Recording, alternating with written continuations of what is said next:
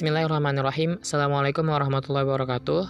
Uh, apa kabar teman-teman sekalian? Semoga dalam keadaan sehat walafiat. Teman-teman sekalian, di tengah wabah COVID-19, tentunya ini menjadi ujian kesabaran buat kita. Uh, baik kita yang sekarang masih dalam keadaan sehat ataupun mungkin saudara-saudara kita yang hari ini mungkin positif terinfeksi corona dan semoga teman-teman atau saudara kita yang hari ini sedang Allah uji dengan COVID-19 segera diberikan kesembuhan.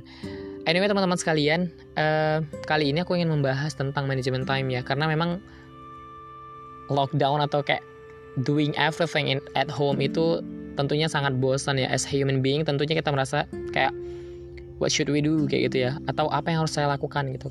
Karena teman-teman bayangin waktu liburnya lama banget dan ini tentunya menjadi kayak dilema tersendiri ya teman-teman sekalian. Ini menjadi dilema karena potensinya besar, berpotensi bisa kita melakukan atau memanfaatkannya untuk hal produktif atau kita memanfaatnya hanya dengan tidur-tiduran kayak or kayak kita nggak melakukan sesuatu kayak gitu. Uh, tentunya kita teman-teman maunya gitu ya, atau tentunya kita berharap bahwa libur yang ada atau waktu yang ada ini kita bisa manfaatkan dengan hal-hal yang produktif dan tentunya hal-hal yang positif ya berharap kita bisa mengupgrade diri kita dalam keadaan lockdown seperti ini. Nah, teman-teman sekalian, kalau aku personality ya, kalau aku kayak personality aku itu sebelum kayak doing something, aku harus berkaca dulu. Aku harus cari alasan kenapa aku harus lakukan ini. Dan aku temukan itu di kisahnya Rasulullah gitu ya. Bagaimana Rasulullah itu tetap produktif gitu ya. Bagaimana manajemen time ala Rasulullah kayak gitu. Aku terkesima pada kisah-kisah kisah-kisah beliau gitu ya. Bagaimana beliau itu tidak pernah berhenti untuk melakukan sesuatu yang bermanfaat. Nah, jadi teman-teman yang belum pernah dengar kisahnya tentunya silahkan baca dulu tentang kisahnya Rasulullah nggak mungkin aku share di sini karena memang aku bahas tentang manajemen time di sini dan aku terkesima pada satu uh, ayatnya Allah gitu ya dalam surah Al-Insyirah. Jadi Allah itu bilang bahwa ketika kita sudah menyelesaikan satu urusan maka bersungguh-sungguh untuk menyelesaikan urusan yang lain gitu. Nah, ayat ini mengajarkan kita tentang bagaimana kita harusnya nggak berhenti pada satu kegiatan tertentu saja. Artinya harusnya continue, continue ya, harusnya continue atau berkelanjutan. Nah seperti itu. Nah teman-teman sekalian, uh, coba cek kembali deh. Sekarang gimana kondisi teman-teman, bagaimana manajemen time-nya, apakah sudah dilakukan dengan baik, apa sudah di arrange dengan baik, atau cuma menikmati libur ini dengan tidur-tiduran, nonton film yang ya mungkin dari perspektif kita berbeda ya. Mungkin dari teman-teman itu bermanfaat dengan uh, nuansa mellow dengan nuansa sedih haru dan penuh air mata. Mungkin itu bermanfaat. But I am as personality melihat bahwa tentunya itu harusnya nggak menjadi prioritas kita ketika waktu libur seperti ini. Nah, kali ini teman-teman aku mau share ya ke teman-teman. Tapi sebelum aku share uh, tips atau bagaimana mengisi waktu libur, aku mau uh, kasih tahu bahwa kondisi ini ini mengajarkan kita untuk kemudian mengasah tiga poin. Yang pertama itu spiritual question atau itu kecerdasan uh, spiritual ya atau ke ya ke kecerdasan spiritual. Nah, buat kita sebagai seorang muslim tentunya jangan sampai waktu libur ini malah membuat kita ibadahnya out-outan gitu. Ibadahnya malah hancur gitu.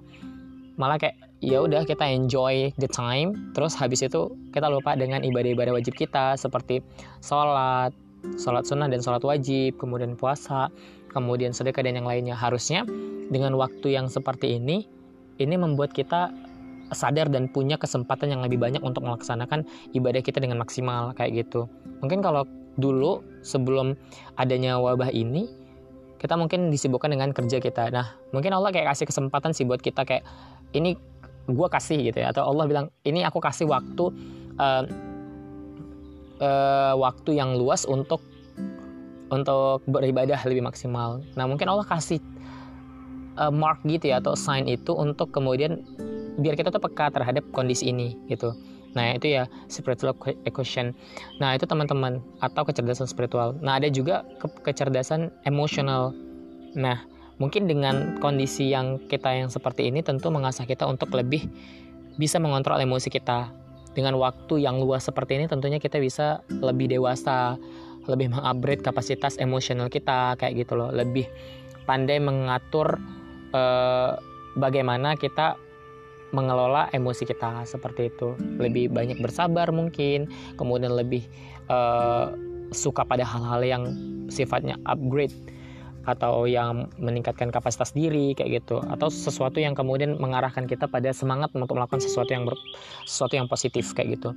Dan tentunya ada yang nama intellectual question atau kecerdasan intelektual kayak gitu ya atau ya bagaimana kita menambah skill kita dalam berpikir dalam idealisme kita seperti itu. Dan seharusnya dengan kondisi yang uh, waktu yang Allah berikan banyak ini kita bisa mengasah tiga poin itu tadi untuk bisa kita clearkan dalam waktu yang Allah berikan. Tuh, nah, pasca dari ini kita tentunya sudah siap untuk menjalani kehidupan selanjutnya. Artinya hari setelah wabah ini. Dan tentunya ini bulan kebetulan bulan Syaban ya tentunya ini bisa menjadi melatih kita untuk siap nanti di bulan Ramadan gitu. Nah, itu teman-teman. nah, kenapa kenapa uh, manajemen time ini menjadi hal yang penting karena ini tentunya bisa mempengaruhi diri seseorang. Salah satu chapter atau part dari bukunya karya Felix Shaw gitu ya. Uh, dalam bab itu ada namanya genealogy of, genealogy of fa, uh, habit kalau nggak salah itu tentang membahas tentang habit kebiasaan. Nah uh, di situ dicatat bahwa atau di situ dituliskan bahwa ternyata kebiasaan seseorang itu itu bisa menjadi kepribadian seseorang Nah kayak simpelnya gini, mungkin teman-teman sudah sering dengar kayak apa yang kamu pikirkan itu akan menjadi kecenderungan kamu. Dan kecenderungan kamu itu akan menjadi sesuatu yang akan kamu lakukan. Dan yang kamu lakukan itu akan menjadi sesuatu yang menjadi refleksi diri kamu. Nah, tapi pengaruh yang paling besar itu bukan tentang what do you think, apa yang kamu pikirkan, tapi bagaimana kamu menjadikan sebuah sikap itu terulang gitu loh repetition terulang dan terulang terus gitu nah di buku itu dicatatkan bahwa pemikiran itu nggak nggak terlalu besar memengaruhi uh, kepribadian seorang tapi pengulangan itu gitu loh repetitionnya pengulangan pengulangan sikap itu yang akan menjadikan kepribadian misal kayak gini kita mungkin terbiasa dengan safe zone ya atau safety zone kondisi di mana kita nyaman pada kondisi kita yang sekarang. Mungkin kalau hari ini kita nyaman ya waktu libur kita tentunya kita nikmati dengan libur dan kita terus ber apa ya menikmati ke keadaan itu, menikmati sikap itu. Artinya kayak ya udahlah gitu. Lakukan apa yang kamu suka kayak gitu. Nah, ketika kita terus terbiasa untuk melakukan hal tersebut, maka itu akan menjadi kebiasaan kita dan teman-teman FYI gitu ya. Ketika suatu sudah menjadi habitnya kamu, menjadi kebiasaan kamu, itu tentunya sangat sulit nanti untuk diubah. Karena it takes uh, much time gitu ya itu sangat butuh waktu yang lama untuk change lagi atau kita harus kembali lagi dari sikap itu atau keluar dari sikap itu karena it it's almost it is already be being our habits. Itu sudah menjadi habit kita kayak gitu loh. Nah jadi teman-teman sekalian sebelum kejadian-kejadian yang kayak uh, jauh-jauh kayak misalnya kita malas uh, kita tuh close minded atau kita tuh masih oga-oga untuk self upgrading tentunya itu menjadi uh, kebiasaan kita dan itu sangat sulit nanti untuk mengubahnya. Nah jadi gimana dong gitu ya uh, mengisi waktu kita yang banyak ini gitu ya atau mengisi waktu kita yang ada ini dengan hal yang produktif. Nah kalau aku sendiri pertama lurusin niat ya. Kalau aku sih kembali ke poin yang awal itu tentang niat.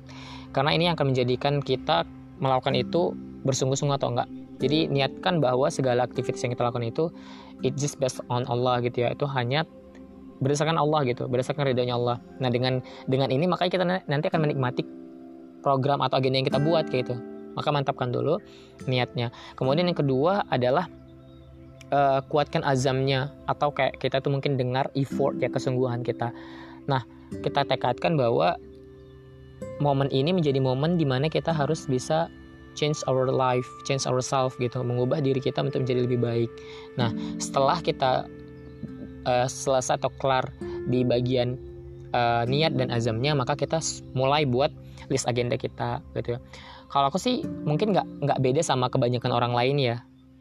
hal-hal yang wajib dan pokok itu tentunya aku sering put di atas put up gitu ya. Aku sering buat di atas.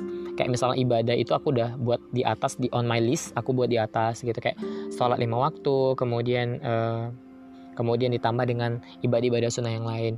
Kemudian uh, kebetulan karena aku suka ngomong kayak gini ya aku juga uh, love reading kemudian uh, sekali-sekali mengasah kemampuan aku di bagian desain.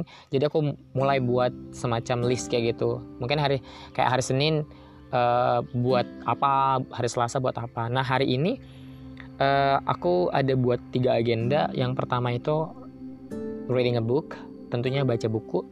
Kemudian yang kedua aku create podcast yang hari ini. Kemudian yang ketiga uh, insya Allah akan dilaksanakan itu buat uh, desain gitu desain grafis. Aku sih nggak muluk-muluk ya nggak banyak. Mungkin dalam satu hari itu tiga. At least ini harus continue gitu ya. Paling tidak berkelanjutan. Bukankah amalan yang Allah cintai itu adalah amalan yang sedikit tapi dia berkelanjutan? Nah seperti teman-teman. So buat teman-teman sekalian yang hari ini masih berpikir uh, untuk menikmati atau santuy pada kegiatan yang kali ini aku saranin nih teman-teman yuk sama-sama kita berubah deh sama-sama yuk kita uh, kita isi waktu kita yang Allah berikan ini dengan hal-hal yang produktif, hal yang bermanfaat kayak gitu. Jangan sampai waktu ini terbuang dengan sia-sia.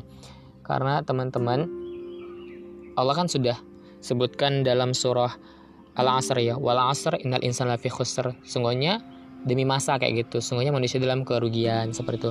Nah, tentunya teman-teman sekalian, kita nggak mau dong kalau misalnya kita uh, termasuk orang-orang yang dikatakan Allah dalam surah Al-Asr, orang-orang yang merugi. Nah, tentunya waktu ini juga bisa menjadi ancaman buat kita. Baik, uh, dan jangan sampai teman-teman kita tuh punya pemikiran distorting kognitif ya, atau sesuatu yang kayak your mind will be control yourself kayak gitu loh. Dan, dan kita tuh dominantly thinks just about the harm, not about the the benefit. Jangan sampai kayak gitu. Nah, buat kamu yang mau bahas tentang distorting kognitif, kita ketemu di episode selanjutnya. So itu dulu teman-teman sekalian. Uh, semoga bermanfaat. Tentunya hal-hal yang bermanfaat yang kemudian bisa menjadi inspirasi buat teman-teman itu purely from Allah, itu naturally itu dari Allah Subhanahu wa dan tentunya kesalahan dan kekhilafan itu itu datangnya based on my personality. So teman-teman sekalian, see you. Semoga harinya bermanfaat dan kita ketemu di episode selanjutnya. Wassalamualaikum, wassalamualaikum warahmatullahi wabarakatuh.